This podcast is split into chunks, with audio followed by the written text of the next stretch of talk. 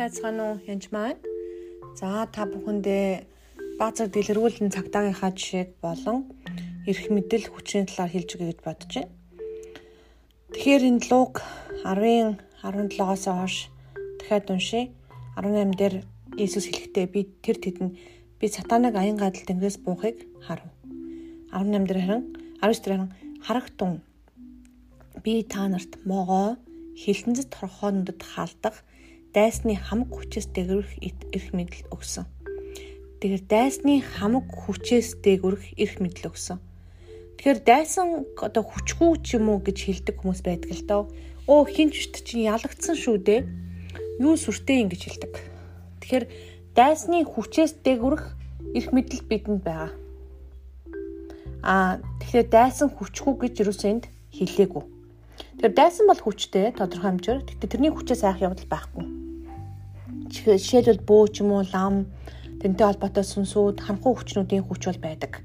Харин тэрнээс дээгүрх эрх мэдлийг харин биднэрт өгсөн. Тэг эрх мэдэл нь шилжсэн гэсэн. Тэгэхээр цагдаа жишээлбэл засгийн засгийн газраас цагдаад цагдаа хийх эрх мэдлийг өгсөн. Тэрнийхээ ачаар жишээлбэл цагдаа шүгэлдээ л да борохороо доххийн тухайн нэг машиныг. Тэр цагдаа машиныг зогсоохонд бол урдталт нь өөрийнхөө хүчээр гараал гараа дараал нөгөө нэг супермен шиг л хамаг хүчээр зогсоох шаардлага байхгүй шүү дээ. Супермен дэр яадаг л өөрөө хүчээр ингээл нөгөө машиныг урдуур нь зогсоол тэрхгээл урдаас нь түлхээл тэгж зогсоодог ба. Тэгвэл цагдаа тэг шаардлага байхгүй. Цагдаа зүгээр замын хажуу зогсож байгаад борохоор дохиход тэр хүн зогсдог ба.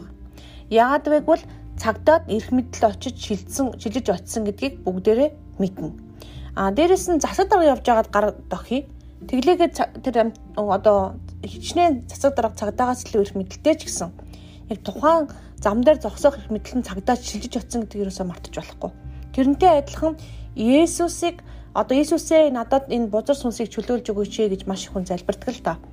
Гэтэл яг л нөгөө засаг дарга энийг хөгөөч гэсэнтэй адилхан залбирал. Яг тэгвэл Есүс яасан бэ? Би та нарт эрх мэдлийг өгсөн буюу шилжүүлж өгсөн баг. Эрх мэдэл Есүсээр дамжуулан биднэрт шилжиж ирсэн байна. Есүс бол хаан Тэгтээ яг үлээ ичний хаан биднээс илүү их мэдлэлтэй ч гэсэн зам дээр зогсож байгаа тэр хорт могоо хилэнц торхоонуудыг зогсоох их мэдлийг биднэрт өгсөн баг.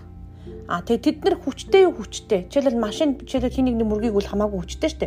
Гэхдээ тэр машин мөргөхгүй. Яагаад вэ гэвэл та нарт юу ч хор учруулахгүй гэж Есүс өөрөө амласан байна. Тэгээ Есүс өөрөө амласан бол амлсандаа заавал хүрч тараа.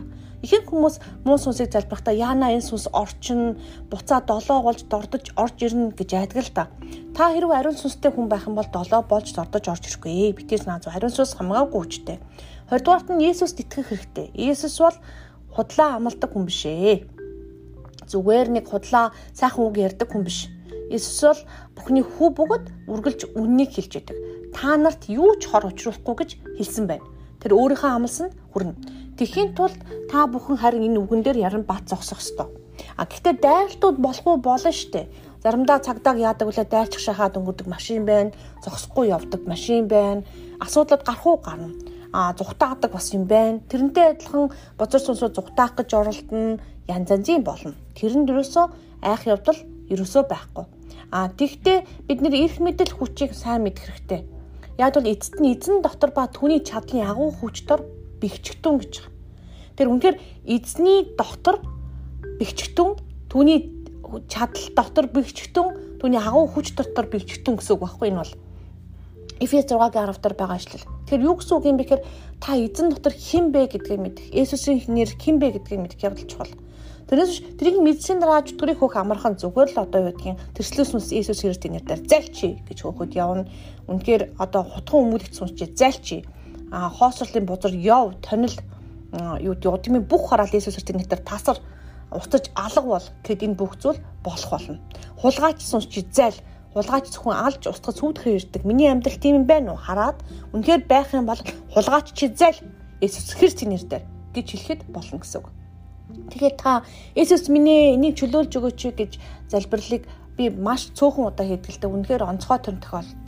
Тэрнээс бус бүх тохиолдолд Есүс Христийн нэрээр тэр чөтгөрийг чи зайлгаж яадаг үлээ хөөдөг байгаа. Тэгээд ингийн тулд харин Деволын залх мэхний эсрэг бат зогс чадвартай байхын тулд гэж хэлж байгааз тэгэхээр Девол өөрөө хүчтэй байх нь Хоёрдугаарт нь залмигтай байх нь гинэн тэнэг хүн шиг биш. Таны үгийг гуйлна таны үйлдэлийг харна. Тэгвэл залмигтэй та үнэхээр үгэн дотор өөрөө бат зогсож чадж гэнэ гэдгийг тэгвэл баян шалгадаг байгаа. Тийм учраас та үнэхээр эзэн дотор бэхжих ёстой. Тэгсний дараа чөтгөр хөөх бол зүгээр л одоо чи зайл гэхэд гардаг хулгайч гэж шүүрээр хөөгд гаргадаг адилхан амархан зүйл. Зүгээр шүгэл үлээхэд зогсдог машинтай адилхан зүйл. Тэгээд миний ард түмэн мэдлэг дутагцаанаас болж утгацаан гэдэг үгийг мартаж болохгүй. Тийм учраас подкастын минь үргэлжлүүлэн сонсороо та бүхэн бас ивент итгэж болно. Бусадаа хуваалцаараа гэж хэлж байна. Тэгээд сонсохгүй ч юм уу эсрүүцэж байгаа хүмүүс байх юм бол зүгээр л тэр хүмүүсийг орхиод дараагийн хүмүүст нь хуваалцаараа гэж хэлж байна. Тэгээд та бүхэнд баярлалаа. Эзэн бурхан тантай хамт байг.